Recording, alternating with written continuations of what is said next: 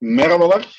13 Kasım 2020 akşamı tekrar karşınızdayız. Toplamda 29 e, ikinci sezonumuzun diyeyim de onun da ilk bölümüyle beraber Bantam ve Fişsiz'deyiz Nuray ablayla beraber. Tam 6 ay aradan sonra. Nasılsın ablacığım?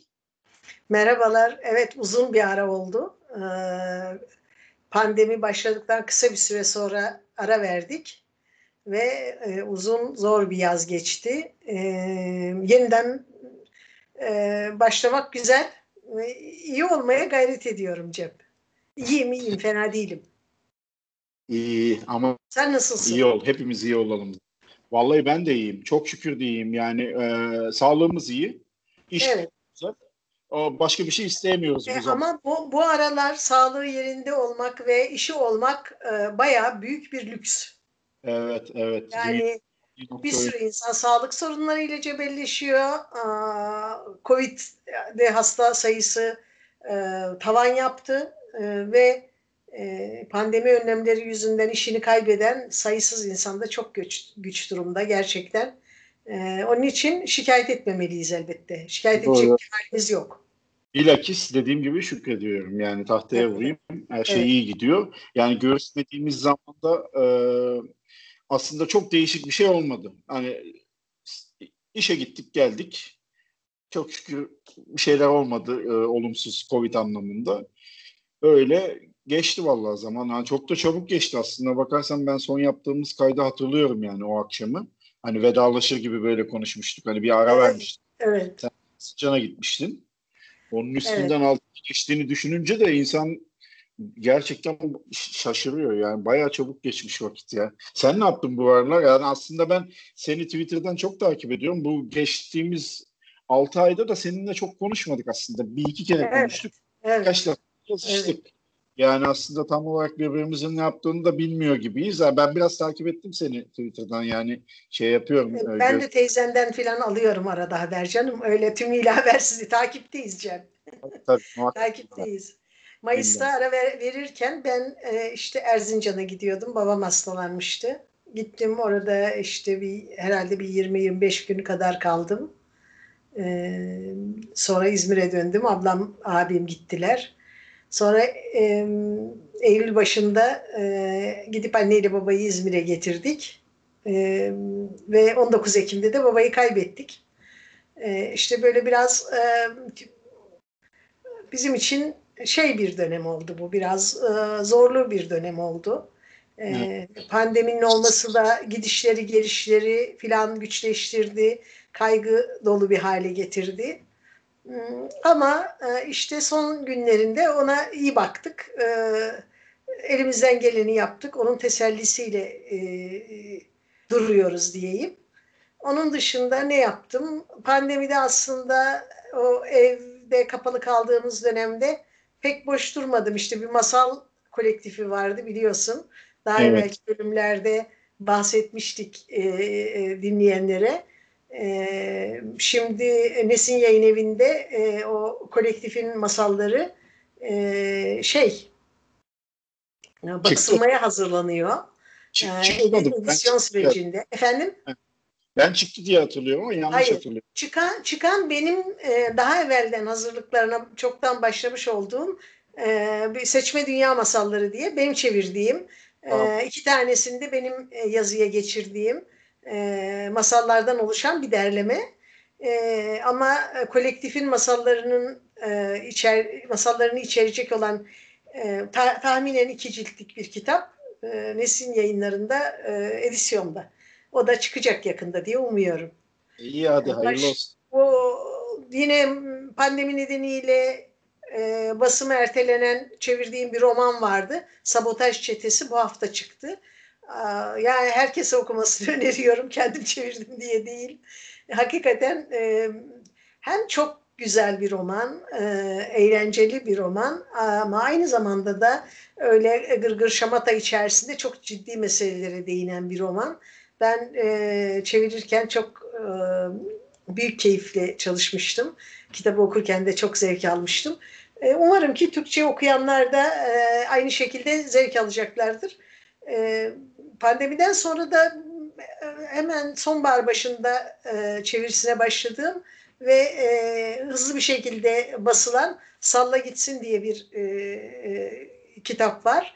Bir e, Brezilyalı bir antropoloğun yazdığı bir kitap. O da e, yaşlılık hakkında aslında mutlu bir yaşlılık mümkün müdür konusunda araştırmalar yapan bir antropolog ve o uzun araştırmalarının e, şeyini e, anlatıyor.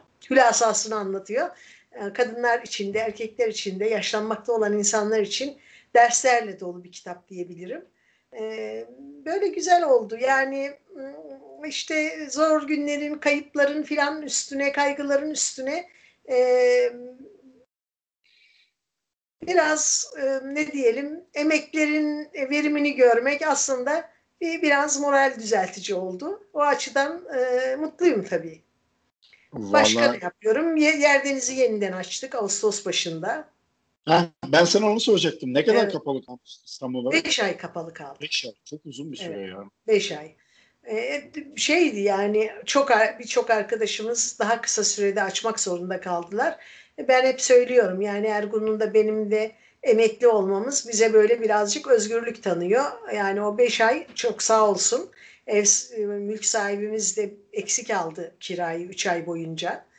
Ee, işte şey beş ayın sonunda e, yeniden açmak gerekti yani ya, ya kapatacaktık ya açacaktık. Tabii ki hiç kapatasımız yok.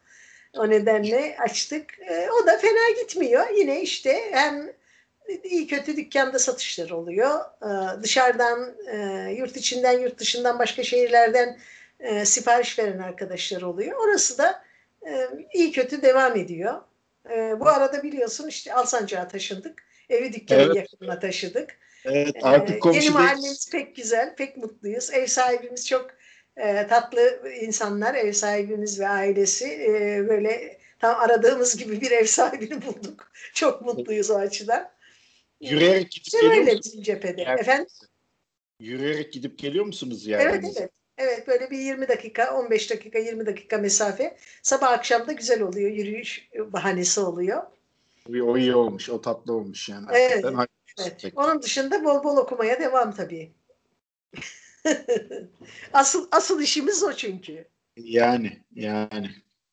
Twitter'da da bayağı aktif görüyorum seni. Instagram'da çok... Da şeyden oldu tabii yani e, Pan... işte pa- pandemide bo boşluktan vakit bo- bo- e, ben de Twitter'a daha fazla e, zaman ayırır oldum. Bir de şeyi fark ettim yani Twitter'da e, biliyorsun Facebook'ta çok uzun yıllardır bir e, Okunası Kitaplar diye bir okur grubu var. E, benim kurduğum ve hala da yönetici, sayfa yöneticiliğini e, yürüttüğüm başka bir arkadaşımla birlikte Hacer Güne Bakan'la. E, o, orada bir, bir rutine oluş, oturdu ve hani 50 bine yakın üyesi var o grubun ve e, e, grup e, mensupları da kitap tanıtımı yapıyorlar. Sadece benim çabalarımda yürüyen bir şey değil. Ama Twitter'da e, bu kitap önerilerini izleyen ve yararlandığını söyleyen bir kitle oluştu. O açıdan mutluyum. Yani hani önerilerimin bir işe yaradığını duymak beni sevindiriyor. Teşvik de ediyor. O zaman işte her gün değilse de e, gün aşırı yeni kitaplar öneriyorum. E, tabii hepsi yeni okuduğum kitaplar değil. Bir kısmı daha evvel okuduğum ama aklıma geliyor. Aa şu kitabı da okumuştum çok güzeldi. Bunu hatırlatayım falan dediğim oluyor. İşte öyle yani kita- kitaplar daha hayatımız onlarla e, çevrili onların etrafında dönüyor. Pek şikayetim yok böyle olmasından tabii. Ben, ben sana olan geri dönüşleri okuyorum. Gerçekten güzel yani. Hakikaten Twitter'da evet, bayağı... Çok, evet, evet, çok sevindirici gerçekten. İnsanlar da tabii e, çok e, şey nazikler. o, o geri bildirimde bulunuyorlar, teşekkür ediyorlar filan. çok hoş bir şey tabii.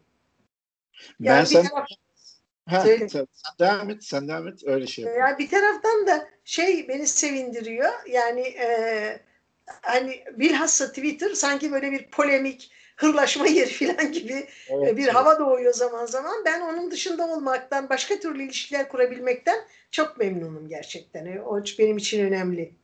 Çünkü evet, öyle evet. olmasını hiç istemem. Yani ara, arasına dayanamayıp böyle e, e, biriyle tartıştığım olsa bile çok hızlı bir şekilde kendimi geri çekiyorum. Çünkü hiç gerek yok ve orada olma sebebim o değil.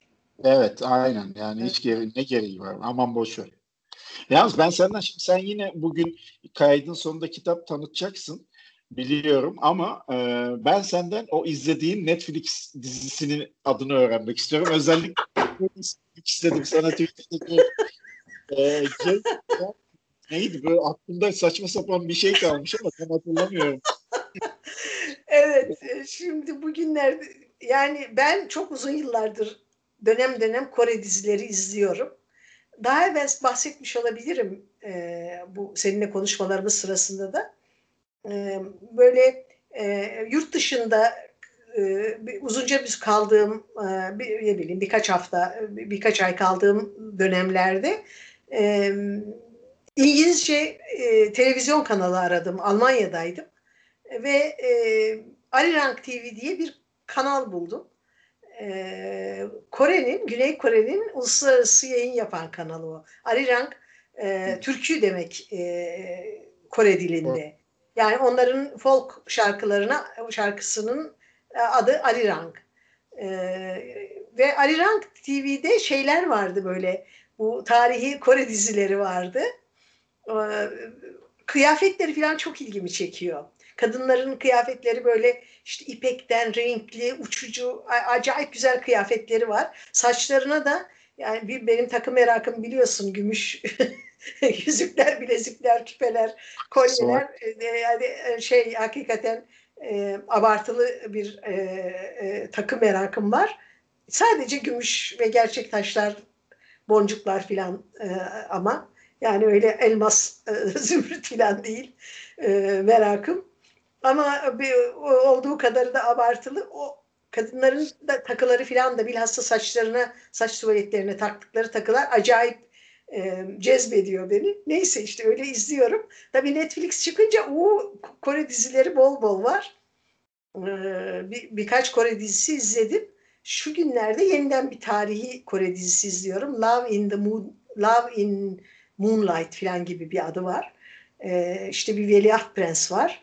Bir tane de stajyer harem ağası var. Senin saçma bir şey dediğim bu galiba. kalmış böyle saçma biçimde. Ben evet. Stajyer harem ağası aslında bir kadın. Ee, er, bir güvenlik sebebiyle babası bir isyancıymış vaktiyle. Güvenlik sebebiyle annesi onu erkek kılığında dolaştırıyormuş ve erkek sanılarak harem ağası olmak üzere e, saraya satılıyor. İşte bir muayenelerden filan da bir, bir takım tesadüflerin sonucunda geçip sarayda harem ağası oluyor. Ama Veliaht Prens ona aşık oluyor filan. İşte evet. Veliaht Prens hakkında eşcinsel söylentileri çıkıyor. Böyle çok entrikalı filan acayip bir dizi. Daha izliyorum. Sonuna gelmedim. Ben de bir bakayım. Ben bunu özellikle... Ee, şey yani diyorum paralel evren. E, bu o paralel evrende bambaşka şeyler olup bitiyor. Evet, Ve e, kaçmak arada iyi oluyor o paralel evreni. E, kesinlikle haklısın yani. Sinema, ne bileyim dizi, e, müzik bunlara kaçmak lazım. Yoksa evet, o, evet, evet. Her, her yani, zaman gerçek hayatla yüzleşiyoruz zaten yeterince. Evet. Taşınırken televizyonu e, televizyonunu getirmedik. Zaten kötü e, e, eski tüplü bir televizyonumuz vardı. E, onu da taşınırken getirmedik. E, şimdi televizyonumuz yok. Fakat ne biçim bir özgürlük, ne nasıl şahane. Çok vakit kalıyor okumak için, başka şeyler için. E, dizileri de e, izleyeceğim dizileri bilgisayarda, monitörden izliyorum. Ee, yine taşınırken herhalde bir şey oldu. Müzik setimiz de e, çalışmıyordu. Onu götürdüm, tamir ettim. Birkaç gündür işte CD'leri falan çalmaya başladım. Ben de çok mutluyum. müzik, müzik olmaya başlayınca çok iyi tabii. Geçmişe dönüş CD'ler falan. Kasette kullanıyor musun? Ben her zaman CD dinle, yani CD çalıyorum uzun yıllardır. E, plak mevzu maalesef e, şey yani vaktiyle uyanamadığım için aslında çocukluğumda evde plaklar falan vardı. Çünkü amcamlar Almanya'dan e, şey getirmişlerdi, bir küçük pick-up getirmişlerdi. İşte e, şeyi hatırlıyorum, e, Rahmi Saltuğ'un e, bu en iyi hatırladıklarımdan biri o. Rahmi Saltuğ'un söylediği bir Pir Sultan Abdal deyişi vardı. Yağmur gibi yağar başıma taşlar dostum bir tek gülü yaralar beni. Tabii o çok aklımda. Sonra e, Yüksel Özkasap diye biri vardı. Onun e, plakları vardı. E, Neşet Ertaş plakları vardı filan. Ama sonra onlar bir şekilde plak, pick-up plan taşınmalarda, yer değiştirmelerde herhalde e, kayboldu gitti. Dolayısıyla şu anda bir pick-up'ımız yok yani. E, o, ama CD e, epey zengince bir CD arşivimiz var.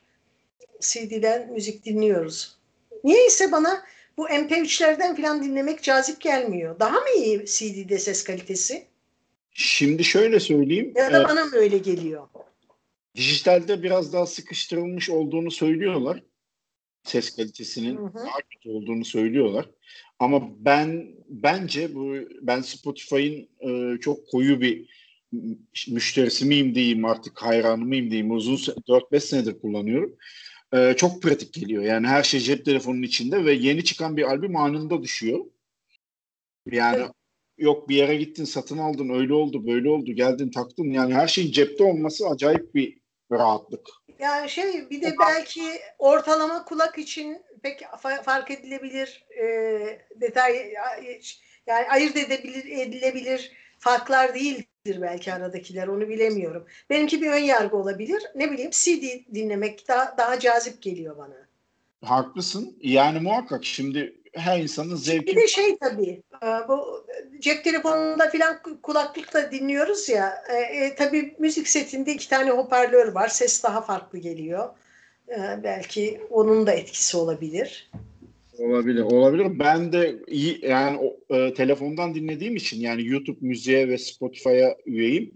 Telefondan dinlediğim için hep iyi kulaklık alma arayışındayım zaten. Hep iyi anlıyorum şimdi de. Oradan biraz o açıyı kapatıyorum yani. Ben Kendim... şimdi şöyle bir kaygıya kapıldım. Biz böyle ikimiz kendi kişisel şeylerimiz konusunda muhabbet ediyoruz ama bizi dinleyenleri ne kadar ilgilendiriyor bunlar acaba diye bir kaygıya kapıldım doğrusu. Valla e, ben bu biraz geri dönüş bölümü gibi oldu. Ben açıkçası biraz hazırlıksızım. Ee, öyle direkt kaydı başlattık. Yani e, ortak canım dönüp... bir alışırız. Ee, onlar da bizi affetsinler. Böyle ilk bölüm acemiliği desinler. İkinci sezon ilk bölüm acemiliği. Ee, ama şey e, yani işte ne yapalım bizim de hayatımız bu biraz da ki ne varsa onu konuşuyoruz. Ee, evet. Öyle demek lazım belki. Şöyle daha önceden biz e, ne konuşacağımıza dair zaman zaman hazırlandığımız yani en azından konu belirlediğimiz zamanlar olmuştu. Ama bugün evet, evet. tamam spontane dümdüz kayda girdik. Yani evet. Zaten çok kayıt yapmıyoruz. 6 ay kısa bir süre değil. Hani Hiç en azından bu, e, başlangıç oldu. Yani bundan sonra evet. böyle olmak şeyini evet. bir, bir, bir, bir başlangıç yapalım. Ee, devamında e, daha çalışırız, çalışkan öğrenci oluruz. Tabii. Yani ama e, zaten bir, bu da biraz az önce dediğin gibi bu da biraz belki bir kaçış hani müzik, sinema falan filandan ziyade kayıt yaparken de insan en azından bana öyle oluyordu yani. Unutuyordum biraz muhabbet ediyorduk, kafayı dağıtıyorduk. Her ne kadar güncel şeylere de girsek hayatın içindeki şeyleri öyle bir his veriyordu bana açıkçası. Yani şimdi de onu hissediyorum. Yani şimdi güncele girersek çıkamayız. İstiyorsan girelim. Hani zaten e, Yok durum... abi ya gün, güncelin nesine girelim? Güncelin Allah belasını versin. Yani girilecek bir güncel mi var Allah aşkına? Evet, yani, yani. Ak- akıllara ziyan şeyler yani. Şurada bir İzmir depremi yaşadık. Olan ee... biten akıl almaz bir şey yani.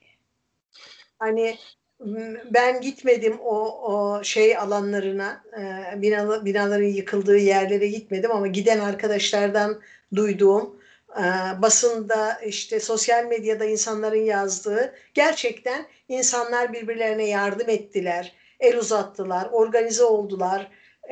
Belediye çok hızlı bir şekilde müdahale etti ve hazırlıklıydı diyor insanlar. Şimdi beğenelim beğenmeyelim ama yani sırf e, siyasi e, rakibidir diye belediyeyi kötülemek, başarısız saymak, başarısız göstermek çabası akıl alır gibi değildi. Orada yardıma giden insanları kovdular şey sahasından. O, o kamp sahasından. Hı hı. Ne sebeple kovduklarını anlamadık, bilmiyoruz e, filan. Yani e, ne bileyim işte e, dolar kaç lira oldu e, bilmiyorum. Bugün dalga geçtim. Şey telifim gelmişti de bir kitaptan 1600 lira. Bugün de bilgisayarın tamirine 1500 lirasını verdim. Çünkü çeviri yapacaksan bilgisayarın tamir edilmesi gerekiyordu. Artık çok tek diyordu, eskimişti. Yeni bir bilgisayar almaktan sonra upgrade edelim dedik. Bazı parçaları değişsin. E böyle 1500 lira kadar sıkışmış o değişikliklere.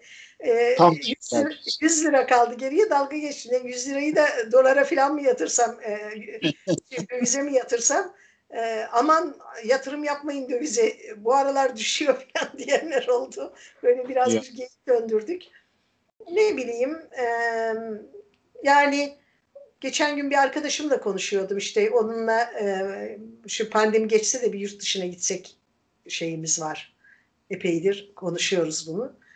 E, e, Gönülle dedi ki ya dedi bacım dedi nasıl gideceğiz?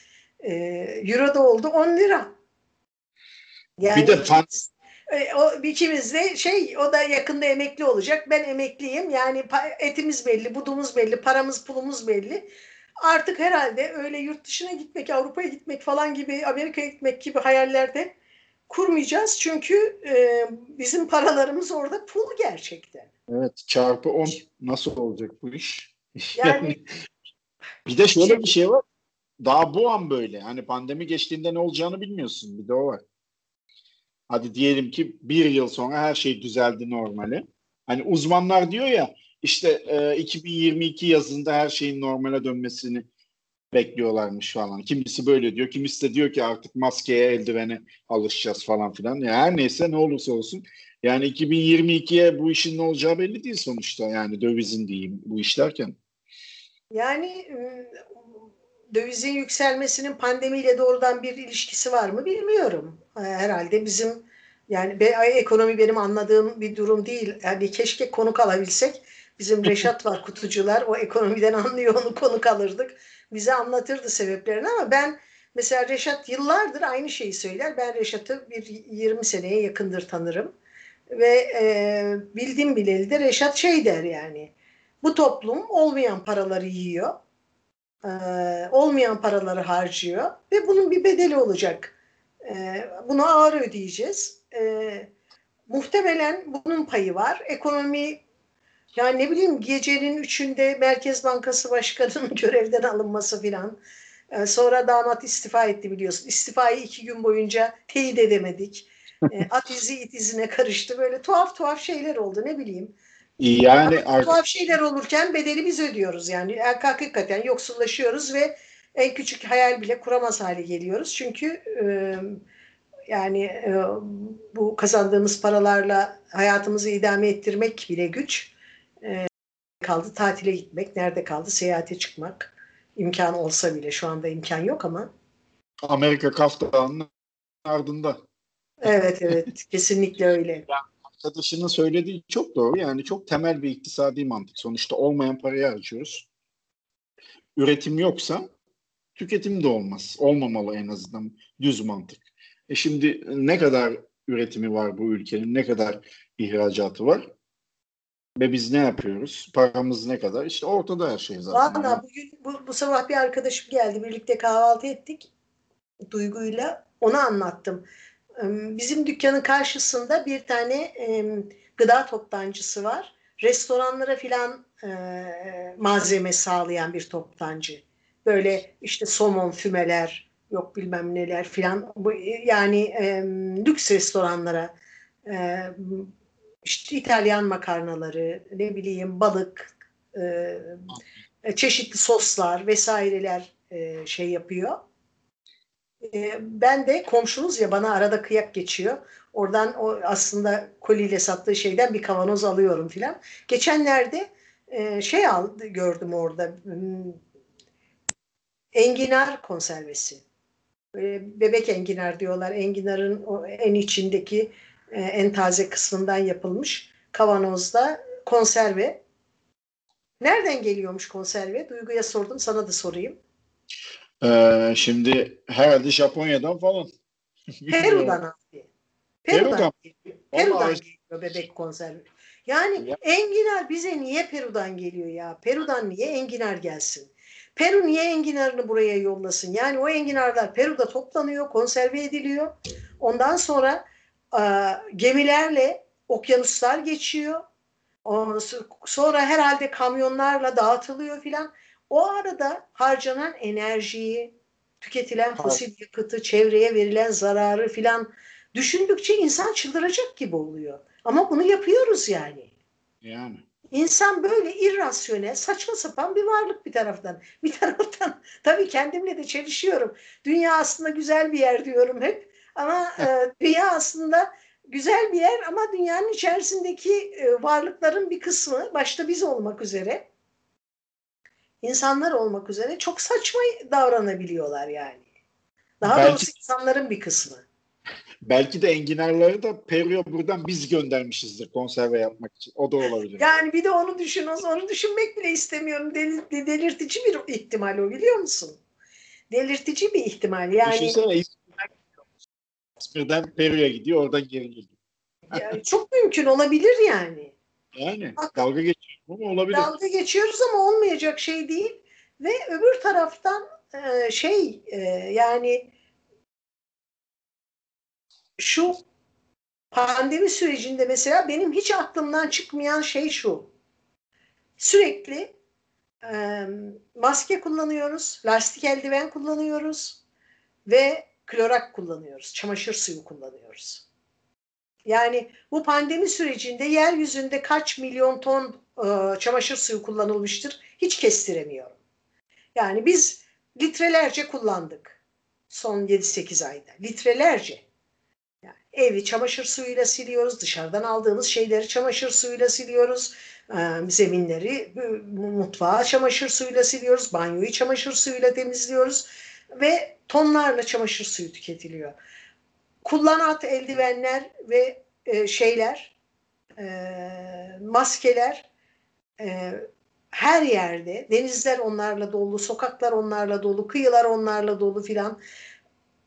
Ne kadar atık çıkardığımız belli değil. Zaten e, hani okyanuslar, denizler kirlilikten mahvolmuş durumda ve şu 8-10 ayda herhalde belki olmayan yoğunlukta kimi açılardan işte uçaklar az çalıştı, ne bileyim bazı şeyler farklılaştı. İşte dediler Hindistan'dan ilk kez Himalayalar görünmüş.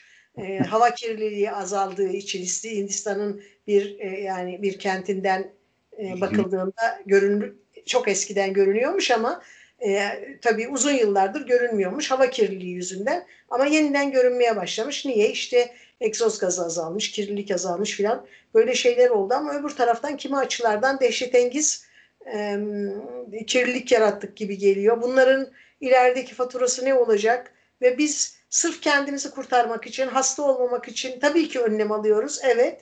E, ama öbür taraftan başka canlılara nasıl zararlar verdik ve veriyoruz onu bilmiyoruz henüz. Hmm, ne yapılabilir? E, şey yaptım yani en sonunda ben e, bez maskeler aldım. Şimdi onları yıkayıp yıkayıp kullanıyoruz. Hiç olmazsa e, hani e, her gün bir maske ya da birkaç maske kullanıp atmaktansa e, o bez maskeler gayet de yani uzun süredir 2-3 aya yakındır onları kullanıyoruz. Bir problem yok. Demek ki işe yarıyor diyorum ben de. Yıkanıp kullanılabiliyorlar. Evet. Ne bileyim işte böyle böyle şeyler Cem. Ya yani çok acayip bir dönemden geçiyoruz. Yani sen de etrafında çok duymuşsundur. Yani benim çevremde arkadaşlarımın, eşin, dostun tanıdığı işte ne bileyim annesi babası o su bu su çok fazla vefat eden var. Zaten artık karma çorman olduk yani. Ya, hepimizin yakın çevresinden birileri hastalanmış, geçirmiş ya da bir yakını ölmüş Covid yüzünden filan öyle yani. Yani Niye? benim mesela e, şahsen tanıdığım Covid geçiren birden fazla insan var. Yani ben bugün şöyle bir düşündüm kaç kişi diye. Duyduğum yani hani onun tanıdığı. Duyduklarımı bunu... sayarsan onlarca. Evet evet onlarca öyle yani. Hakikaten çok acayip ya. Yani bilmiyorum. Çok da fazla şikayet etmemek lazım mevcut durumda ama yani sanki bir de yıllardır böyle yaşıyormuş hissine kapılıyor insan. Hani bayağıdır yani da böyle. Unuttuk, unuttuk eskiyi. Yani rutinimiz bu oldu işte. E, sokağa çıktın, maskeni tak, elini yıka, e, içeri girdin, elini yıka, giysilerini çıkar, değiştir. İşte alışveriş yaptın, onları dezenfekte et filan. E, başka başka türlü ne oldu unuttuk. Ama ne var biliyor musun Cem? Bunu geçen gün bir arkadaşımla da konuştum. Aslında eskiden son derece basit, olağan saydığımız, hiç önemli görmediğimiz ne kadar çok şeyin aslında bir lütuf, bir nimet olduğunu da anladık bu süreçte. Yani 8 aydır evimize arkadaşlarımızı davet edip bir sofra kuramadık. Evet. Arkadaşlarımızla Onu... bir araya gelemiyoruz.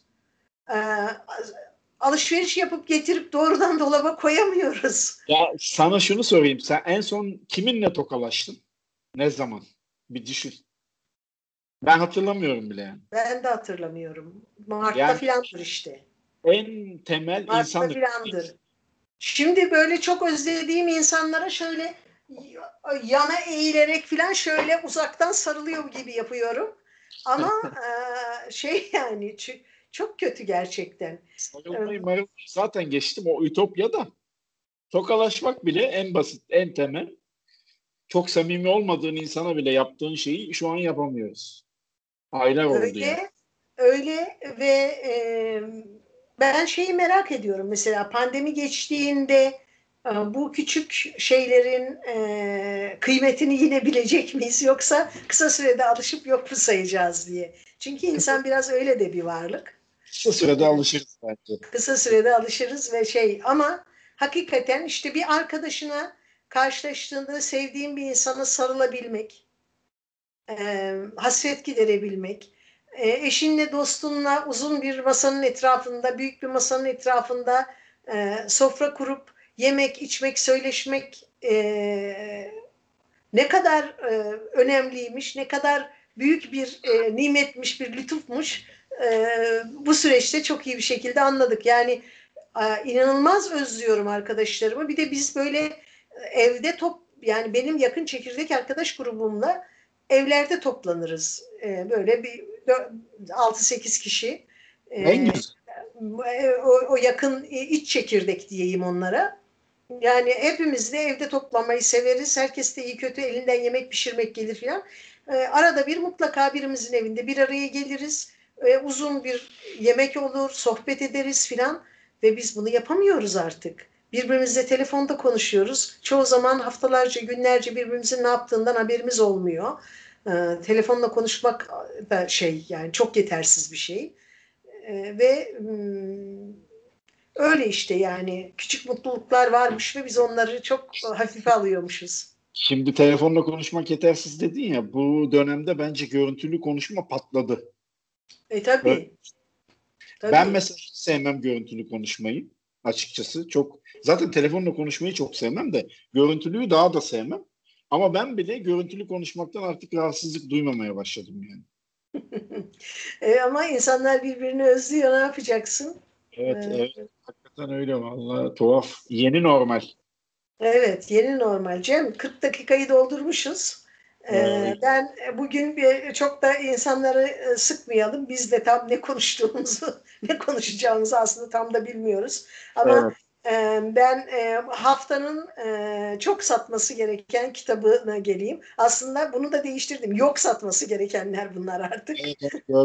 Geçenlerde biri, biri, biri böyle yazmış çok satması gerekenler. Ben onu yanlışlıkla yok satması gerekenler okudum. Sonra dedim ya güzel yok satması gerekenler de lazım bir şey.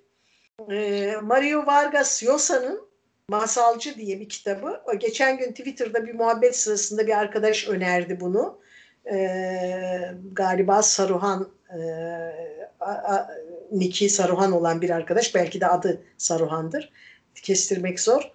Hmm, çok güzel ve e, Yosa'nın en güzel kitaplarından biri diye.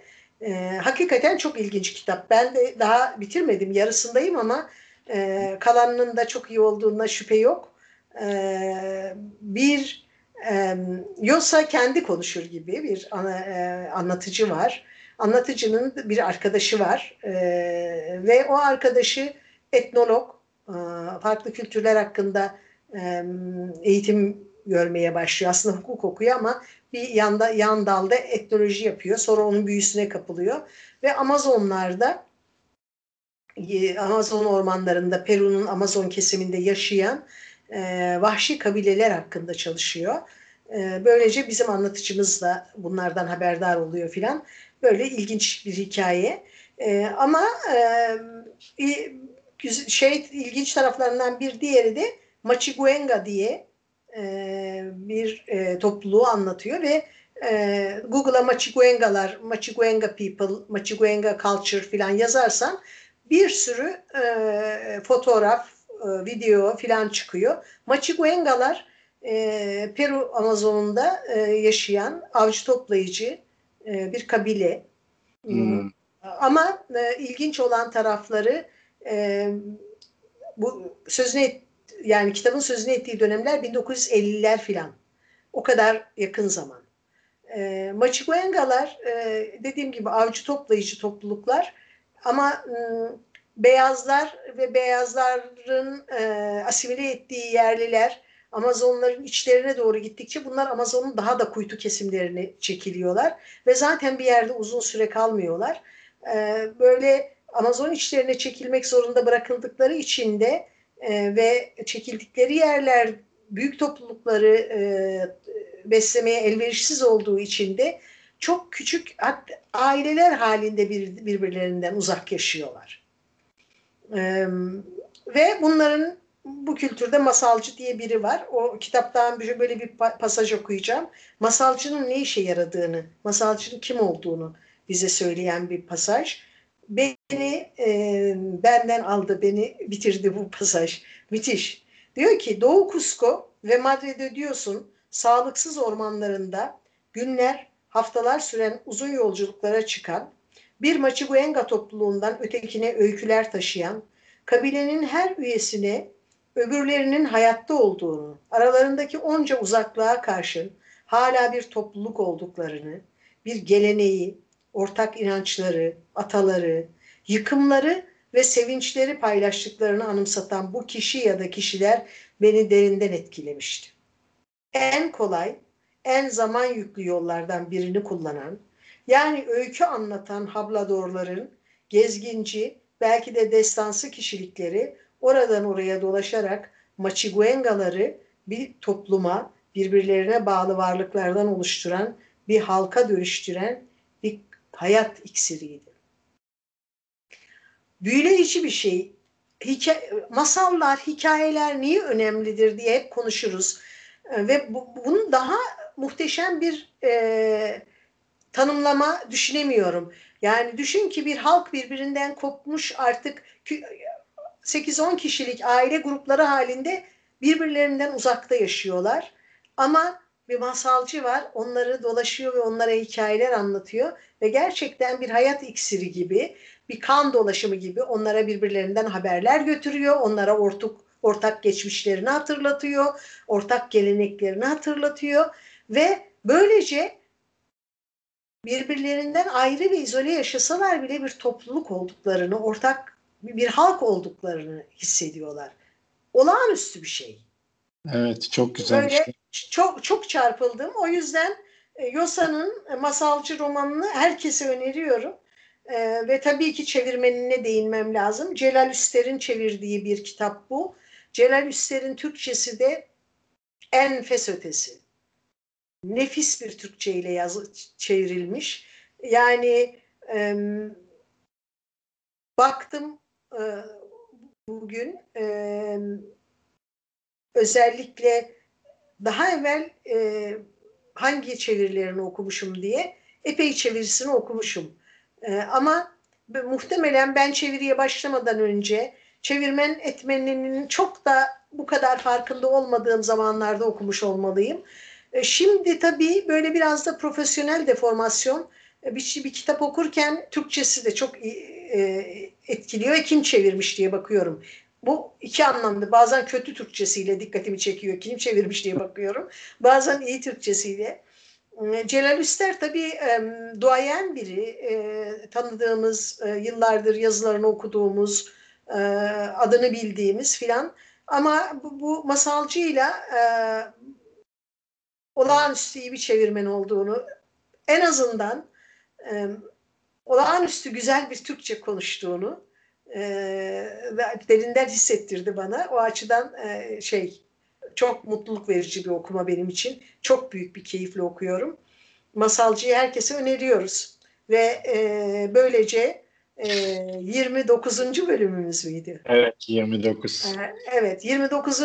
bölüm ve ikinci sezonun ilk bölümünü e, Masalcıyı önererek kapatmış olalım. E, dinleyenlere çok teşekkür ederiz.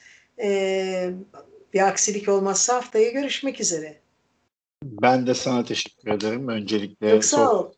E, tavsiyen için. Dinleyenlere de teşekkürler.